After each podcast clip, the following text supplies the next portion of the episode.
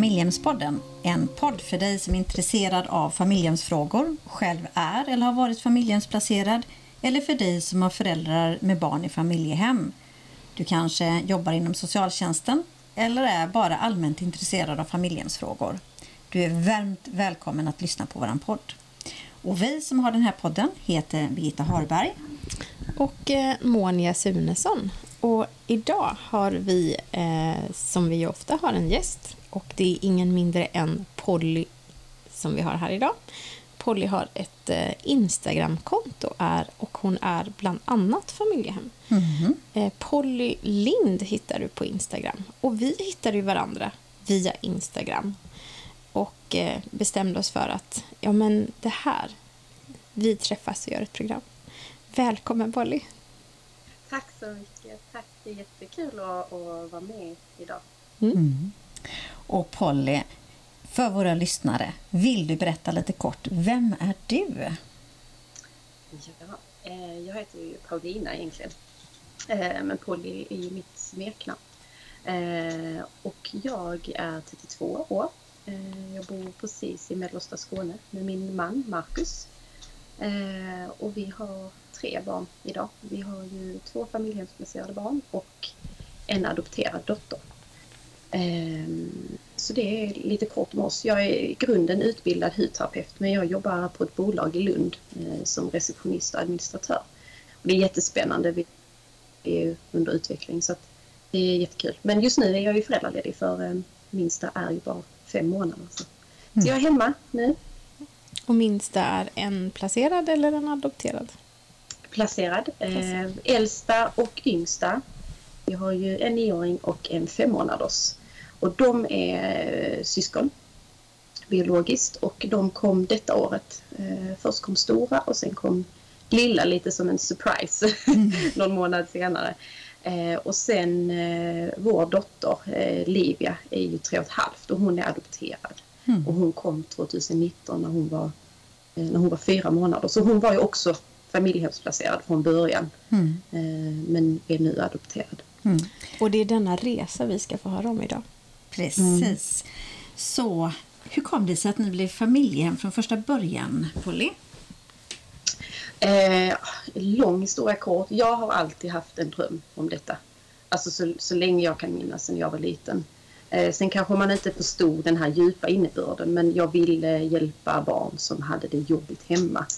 Eh, så när jag är 11 år sedan nu eh, så var jag väldigt tydlig med att eh, det, det ska jag göra liksom. Och är du inte med på det tåget då, då kommer det här inte funka liksom. och det var han med på. Han är med på det mesta. Han är väldigt så öppen och glad och för nytt liksom. Så att det var inga problem. Ni började prata om barn. Vad hände sen? Ehm, det som hände var att jag började ifrågasätta om det egentligen var vad jag ville. Ehm, jag kände en jättestark dragning till att eh, hjälpa barn och bli familjehem. Och det tog liksom över eh, känslan av att vilja ha biologiska barn.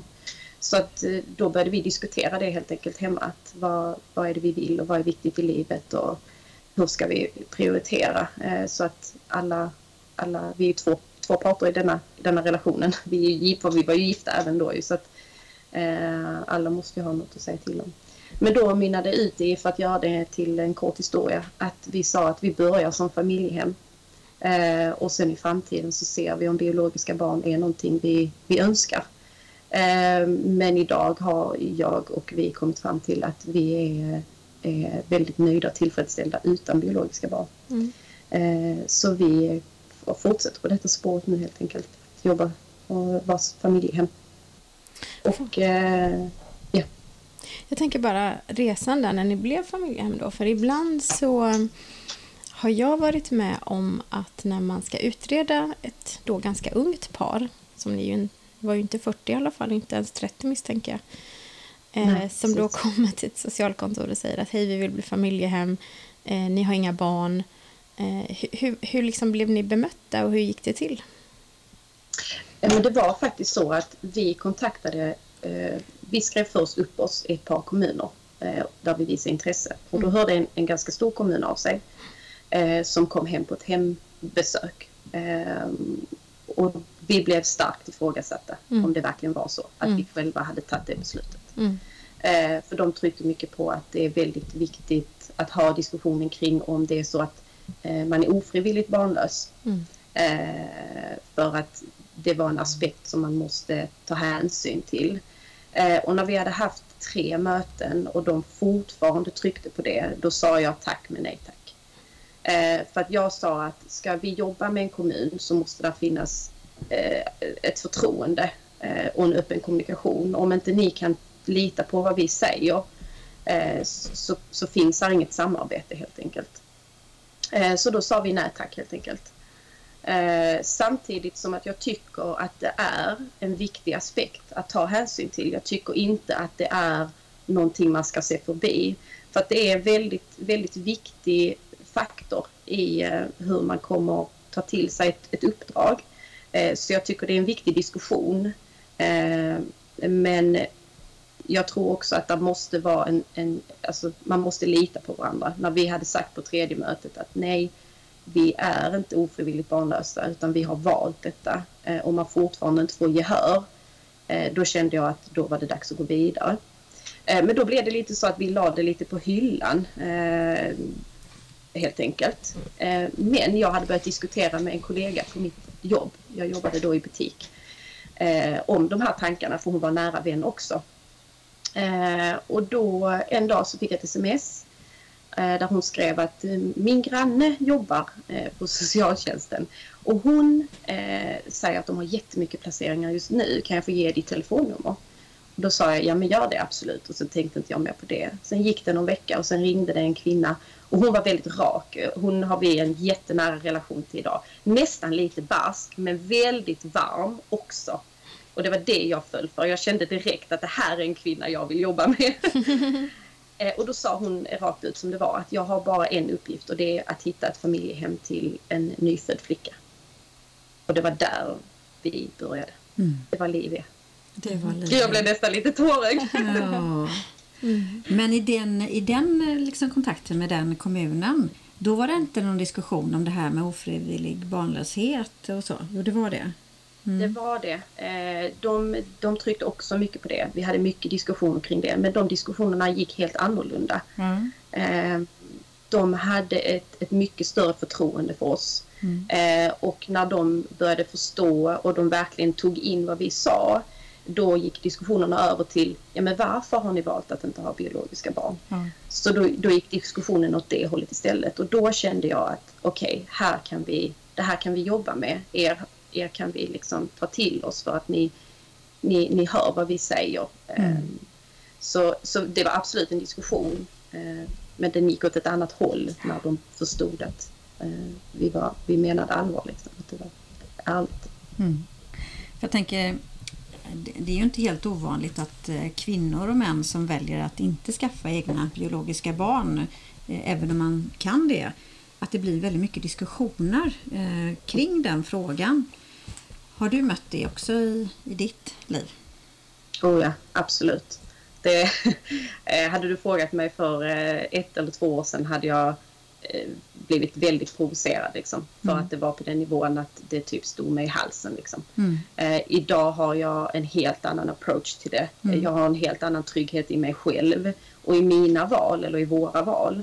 Eh, så idag kan jag diskutera utan att liksom, känna att jag hetsar upp mig.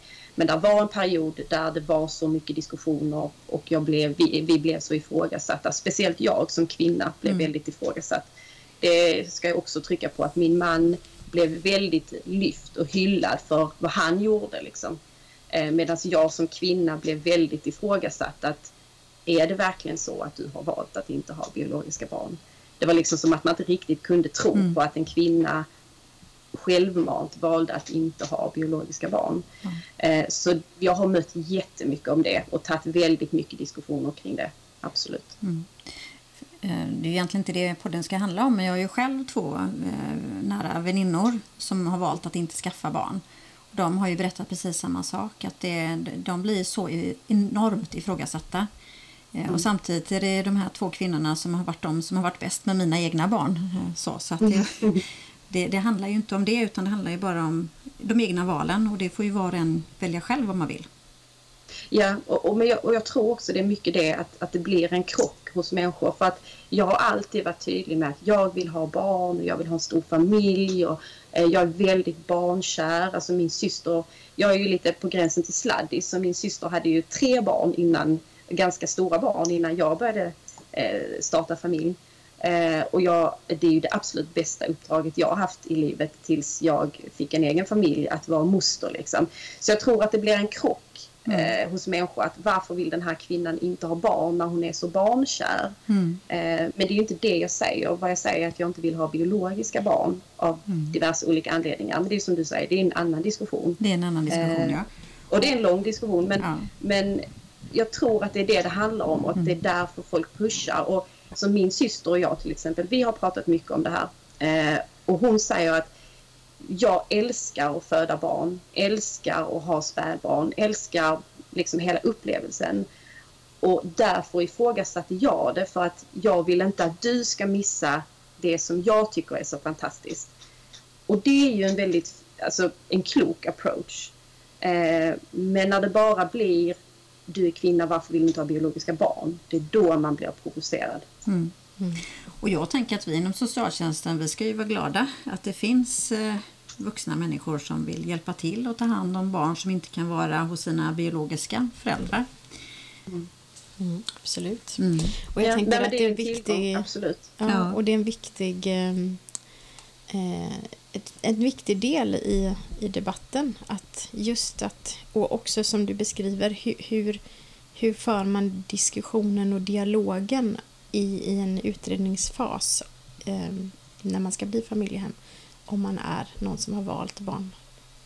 Barnlöshet, det låter konstigt ord när jag säger det. För Ja. du är ju inte barnlös. Men jag förstår precis vad du menar. Och det är ju så. Det är verkligen så. För att den här andra kommunen, om jag får säga det själv, så gick ju den kommunen som vi först pratade med miste om ett jättebra familjehem. Mm. Mm.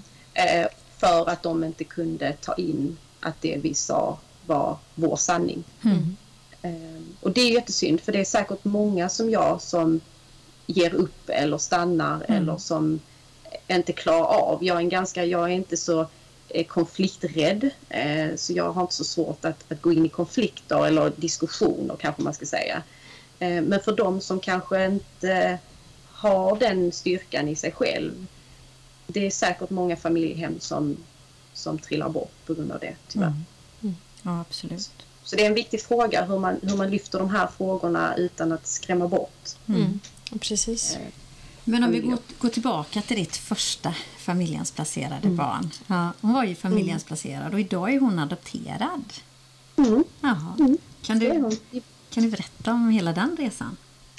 Absolut, jag ska försöka göra det utan att bli alldeles för känslig. Men eh, eh, Livia Bibban, som eh, jag kan råka kalla henne, eh, hon landade hos oss juli 2019 och hon är född i mars 2019. Så hon var ungefär fyra månader. Eh, och då var vi sprillans nya på det här. Vi hade aldrig eh, haft barn såklart. Eh, så när den här kvinnan ringde till oss eh, så, så var mitt svar faktiskt nej först. Jag bara sa, men gud nej, ni kan ju inte placera ett spädbarn hos oss. Vi har aldrig haft hand om ett spädbarn. Liksom. Och så ringde min man och så pratade vi och, så, och han är väldigt så här, jaha, varför inte det? Ett barn är ett barn ungefär.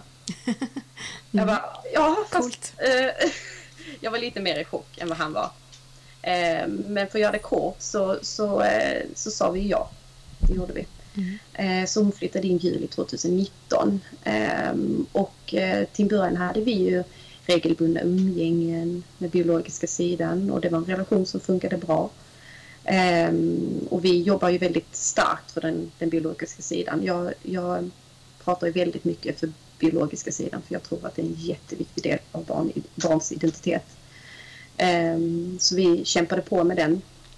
Ehm, och det är alltid så här det svåra i detta är ju att det finns ju, det är inte bara min historia detta. Vi har ju en biologisk sida och vi har Bibbans sida och sen har vi ju vår sida av det.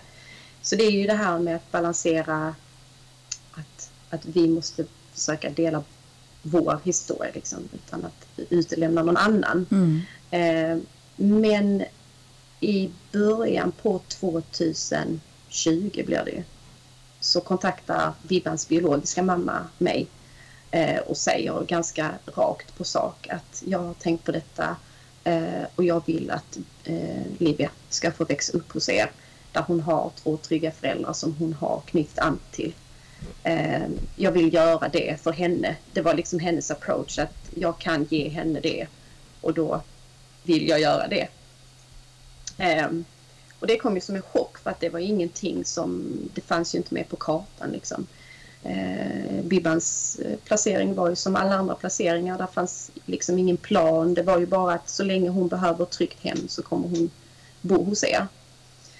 Eh, och, så att eh, vi var ju helt tagna på sängen, som man så klassiskt säger. Eh, så vi var ju lite så här, ja, mitt svar väl, var väl lite att ja men det, det är väl klart men vi måste ju liksom titta på det här eller så. Jag ville förstå bättre varför. Eh, det, är, det är ett barn som inte kan tala för sig själv och det viktiga för mig var att Livias biologiska mamma var trygg i sitt beslut och säker på det. Att hon inte tog det i affekt och sen skulle ångra sig. Eh, både för vår skull men framförallt för, för Livias skull. Eh, så vi sa att vi, vi, vi vill att biomamma ska få tid och stöd i detta. Eh, vi vill ge det ett par månader i alla fall minst och sen tar vi upp diskussionen igen. Eh, så då pausades alla umgängen eh, och alla träffar och sen fick vi och mamman det stöd och samtal som hon behövde. Eh, och sen ett par månader senare så stod hon fast vid sitt beslut och då påbörjades processen. Mm. Så då blev det en, eh, för att förtydliga för alla som lyssnar, en process i tingsrätten. Så som även en vårdnadsöverflytt är ju i tingsrätten så är en adoptionsprocess en process i tingsrätten. Mm. Exakt. Mm. Ja, och det innebar ju också att eh, ni inte har kvar arvode och ersättning för henne. Precis. Hon blir ju inom parentes vår, Ja, hon blir rent juridiskt. Ja. Mm. Och en annan skillnad för lyssnarna, för vi har haft något program om vårdnadsöverflytt. En annan skillnad är, är ju att förälderns umgängesrätt eh, upphör. Mm. Alltså en förälder, när man är vårdnadshavare kan föräldern gå till tingsrätten och begära om en process för att ha rätt till umgänge. Det kan en förälder inte göra när man har adopterat bort sitt barn. Eh, den dagen du och Markus dör så Mm. kommer hon ärva er. Exakt. Mm, Precis. Och inte sin biologiska sida. precis. Mm. Mm. Några, några sådana där delar som sker rent Mm. juridiskt. Mm. Mm. Exakt, det är ju så. Det är ofta den frågan man får. Vad är skillnaden på adoption och vårdnadsöverföring? Och där, där är ju ganska mycket stora skillnader. Mm. Eh, och det är ju framförallt då den här umgängesrätten. Mm. Eh, plötsligt har vi ju rätt att säga att nej. Liksom. Mm. Nu talar vi ju mycket för den biologiska sidan och har Ja. en, en väldigt bra relation till eh, Livias biologiska sida. Eh, men eh, rent krasst så hade man ju kunnat säga Ja. nej, stopp. Mm. Liksom. Men idag har ni kontakt så hon träffar sin biologiska sida också med, med jämna mellanrum. Ja, det, alltså nu har det ju, det var ju lite tråkigt för 2020 var ju också pandemins Ja. eh, infart liksom. Eh, och den har ju, den höll ju som vi alla vet eh, ganska hårt om oss i många Mm. år nu. Mm. Eh, så att eh, det har inte blivit så ofta Mm. som vi hade önskat. Men vi har en bra relation och vi Mm. hörs regelbundet och jag skickar bilder och vi speciellt eh, Bibbans äldsta syster träffar vi ganska regelbundet vilket är kul för hon är ju i tonåren. Mm. Mm. Så hon kommer ibland och hälsar på och vi ringer oss. Så. Det är jätte, jättekul och jag, jag, än idag, alltså idag är ju Livia tre och ett halvt. Mm. Så, och vi pratar ju väldigt mycket om detta hemma. Alltså diskuterar magmamma och pungpappa och syskon och, och sådär. Ehm, och jag tror att det börjar sjunka in nu. Hon är väldigt medveten om vem som är hennes magmamma. Vi pratar ju om henne och sådär. Ehm, men det är svårt att säga hur mycket hon förstår. Men jag tror ju att barn förstår mer än vad vi ger dem cred för. Mm. Sen hade jag som när jag var familjehem så hade jag en klok familjehemssekreterare. Han sa att eh, om man berättar en historia så ger man barnen en möjlighet att ställa lite följdfrågor och när de är redo så kommer de ställa de där extra frågorna av det de inte har förstått. Mm. Precis. Mm. Mm. Och så, så är det. Alltså det kommer ju ofta när jag pratar om det eller min man pratar om det med Bibban så ser hon ganska tankspridd ut. Alltså det, ni vet tre och ett halvt-åringar, ja. det är liksom lite hej baberiba. Sen kan vi ju sitta i bilen och så helt plötsligt kan hon säga eh, var är min magmamma? Eller eh, var är... Alltså då helt plötsligt kan frågorna komma. Så mm. det är precis som du säger att när hon har bearbetat detta så, så bara kommer det liksom. Mm. Så, så, det är väldigt mycket sanning i det. Mm. Absolut. Mm. En, en, fråga som jag tänker kan vara intressant det, det, är ju att upplever du att det är någon skillnad på att ha barn placerade enligt eh, SOL eller LVU alternativt som du har nu ett adopterat barn? Ja, absolut är det ju det. Um, det enklaste är ju att börja med det praktiska, alltså allt praktiskt kring läkare, skola, eh, de här typen av sakerna. Bara hämta ut ett pass. Eh, alla som har försökt göra det som familjehem vet ju vad jag menar. Eh, allt sådant är ju mycket, mycket enklare eh, såklart. Rent känslomässigt, jag och min mamma, vi hade faktiskt den här diskussionen idag. Att, att är det någon skillnad? För nu har vi ju ett, ett, ett spädbarn till hos oss som är fem månader. Så vi diskuterade, är där en skillnad, skillnad rent känslomässigt? Och anknytning tar tid. Jag tror att jag har börjat inse verkligen hur lång tid en djup anknytning tar. För idag är livet tre och ett halvt. Och nu kan jag ju bli så här, alltså jag kan ju få panikkänsla när jag tänker på att någon skulle komma och hämta henne. Ehm, men när, hon, när adoptionen var i process och, och jag fick frågan, ja men tänk om mamman ångrar sig och hon får flytta tillbaka. Då var jag lite såhär, nej men ja men då, då har vi gjort vad vi kan. Vi har gjort det bästa vi kan för Bibban och hennes mamma och då, då får vi landa i det. Såklart kommer man vara förkrossad, det kommer vara hemskt men, men man får finna trygghet i det. Jag tror det handlar om att man har ändå en liten skyddsbarriär gentemot sig själv rent mm. känslomässigt. Hur mycket man än älskar barnet och tar till sig barnet så är det en liten del av en som hela tiden räknar med att det här barnet kan flytta igen. Um, och så, så rent känslomässigt absolut att det är en skillnad gentemot ett placerat barn och ett adopterat barn. Mm. Uh, jag önskar att jag kunde säga att det var inte så. Uh, men det är det, för man skyddar sig själv lite, lite, lite undermedvetet tror jag. Superintressant för vi har precis intervjuat en psykolog som också har ett Instagramkonto som vi fick har fått möjlighet att intervjua. Mm. Och då Familjehemspsykologen. Precis. Mm. Mm.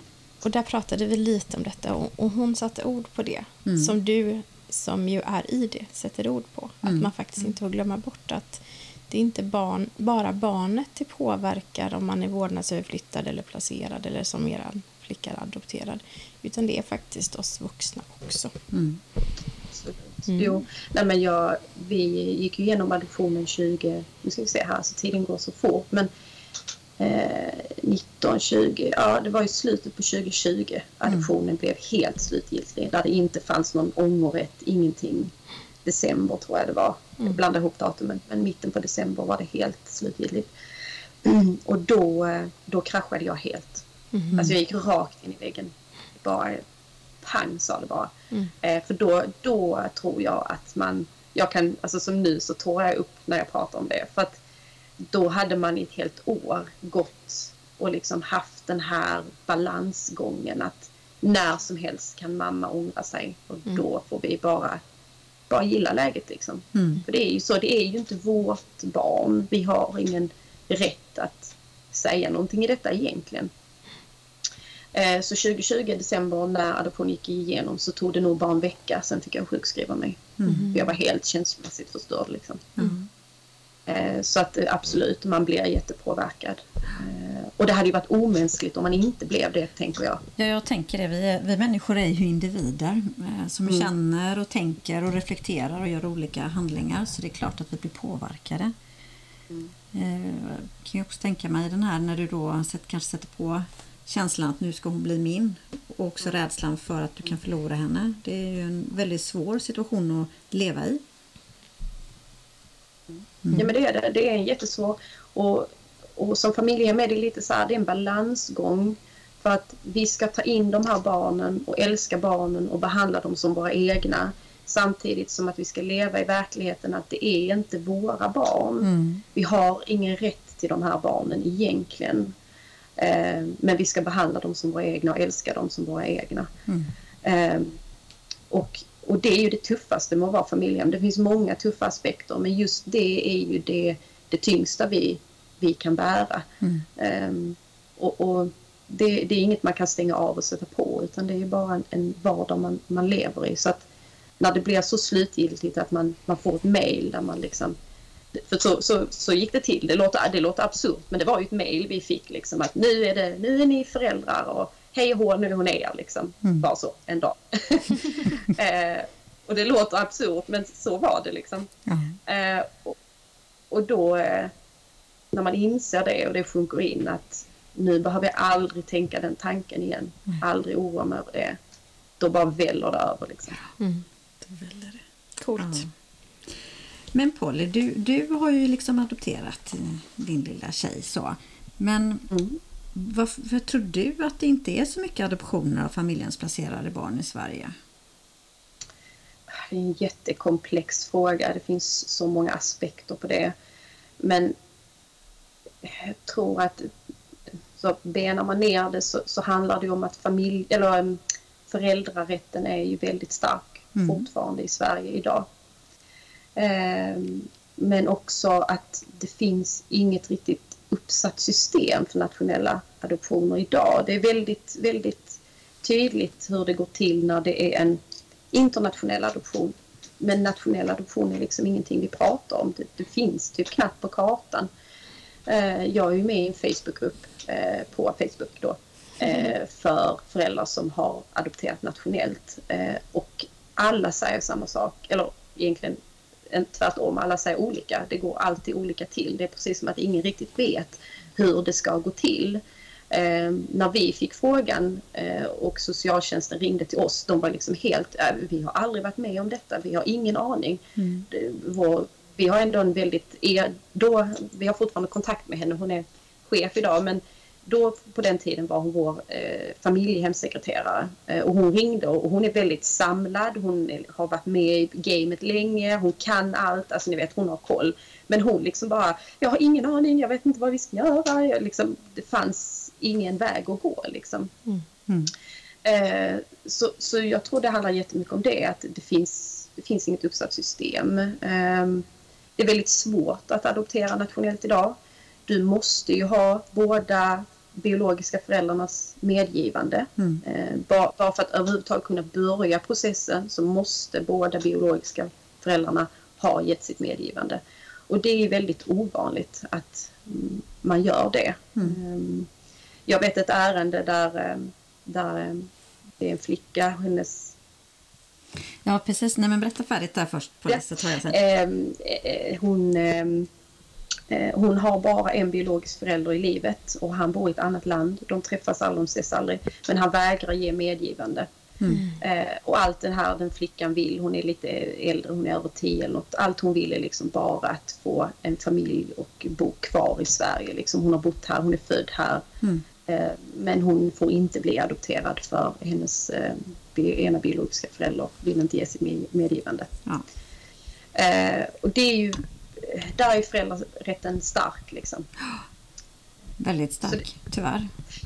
Ja, och sen, sen, tror ju inte jag heller att adoption är lösningen på alla problem. Jag tror inte att eh, adoption är det bästa för alla barn som är placerade. Eh, jag tror att skulle vi dra det, den liksom, så hade det blivit väldigt fel. Jag tror absolut inte att det är lösningen. Liksom. Eh, men, men jag tror att absolut att fler barn skulle eh, behöva bli eller kunna bli eh, adopterade nationellt. Mm. Eh, faktiskt. Precis, och jag har ju varit verksam som socionom sedan 93 Och under den här tiden så har jag varit med om tre stycken adoptioner och Monja, du var ju handläggare i ett av de här tre. Eh, och det är ju rätt lång tid och det, samtliga har ju varit då bebisar. Eh, mm. Så. Och det är nyfödda bebisar, ja. ja. Så det har ju varit en hel del. Mm. Mm. Ja, men det är väldigt ovanligt. Det Mm. är, som sagt, när, jag, när vi började den här resan så sökte jag ju som en galning på nätet liksom, efter andra som hade en Mm. liknande upplevelse eller erfarenhet. Och det, det fanns ju inte. Liksom. Mm. Det, jag lånade böcker på bibblan och ni vet, det var en sån här liksom, så, decimeter tjock bok om adoption och det var ett litet kapitel om nationell adoption. Mm. Det var liksom Mm. ett par sidor på Mm. 400 sidor. Liksom. Mm. Eh, så det fanns inte. Så det är därför jag pratar mycket om detta. Jag vill liksom lyfta detta. Jag säger inte att det är lösningen på allt, men jag säger att det är en diskussion vi behöver lyfta. Helt Mm. enkelt. Mm. Helt klart. Nu tänker jag att vi lämnar det här lite faktiskt allvarsamma, för det är det, ämne, och Mm. går över till, det kanske är allvarsamt, men jag, jag uppfattade inte att det var så djupt och allvarsamt, för du har ett, ju ett Instagramkonto där du delar med dig av din vardag. Och Mm. där eh, är det lite högt och lågt. Vill du berätta Ja. lite? Det är väldigt högt och lågt. jag, jag är ju så som person privat. Alltså, det är väldigt högt och lågt. Och, eh, det är liksom hej och hå, nu kör vi och hoppla hej och så. Min man han, han brukar säga att det är ett äventyr att leva med mig. Man vet liksom aldrig riktigt. en kollega hade frågat han någon gång bara, men gud hur, är det, hur är det att vara gift med Paulina? Då hade han sagt att det är ett äventyr, man vet aldrig. Eh, och så ser liksom vårt liv ut. Och det är ju så när man är familjehem. Alltså man vet ju aldrig. Alltså den ena dagen är aldrig den andra lik. Ehm, och nu har vi ju tre barn hemma som sagt. Och Mm. vi är ju runt 30 och vi har två katter och hus och jobb och hej och hå. Alltså, jag, man skulle ljuga om man sa att saker bara flöt på. Alltså, jag, brukar, jag brukar säga att vi har ett organiserat kaos hemma. Liksom. Eh, och- och jag har börjat upptäcka att, att folk känner igen sig mycket i det. Alltså det, folk tycker det är befriande på något vis att bara, åh tack att det är någon annan som har det så här liksom. Eh, alltså Bibban hade ju katastrof eh, med sin sömn de första två åren.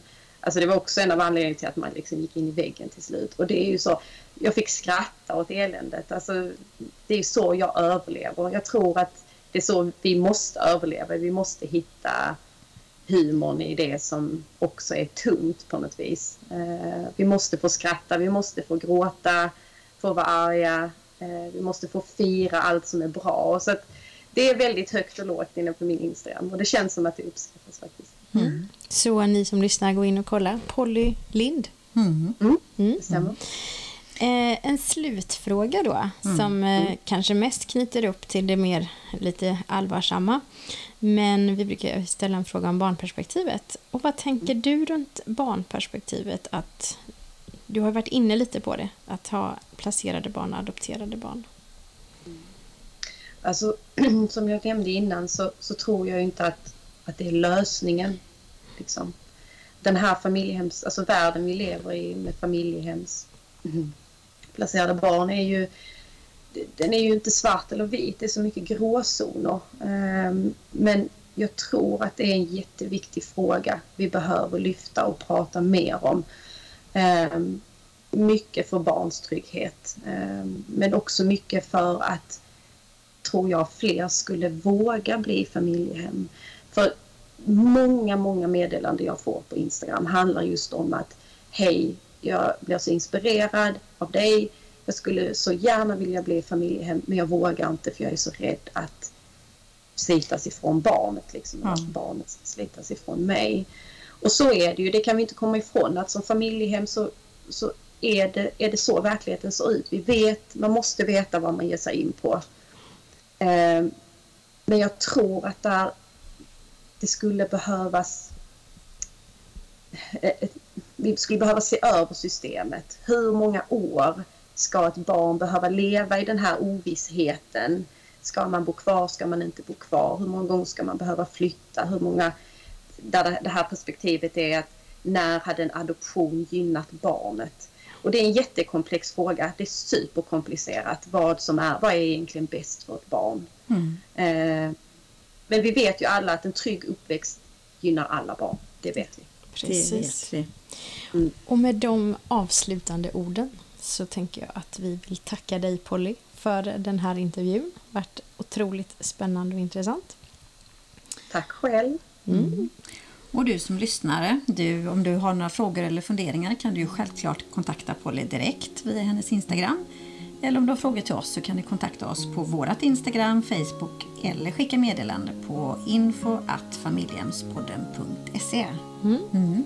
Så tack för oss idag. Ja, tack, Tack. så mycket. Hej då!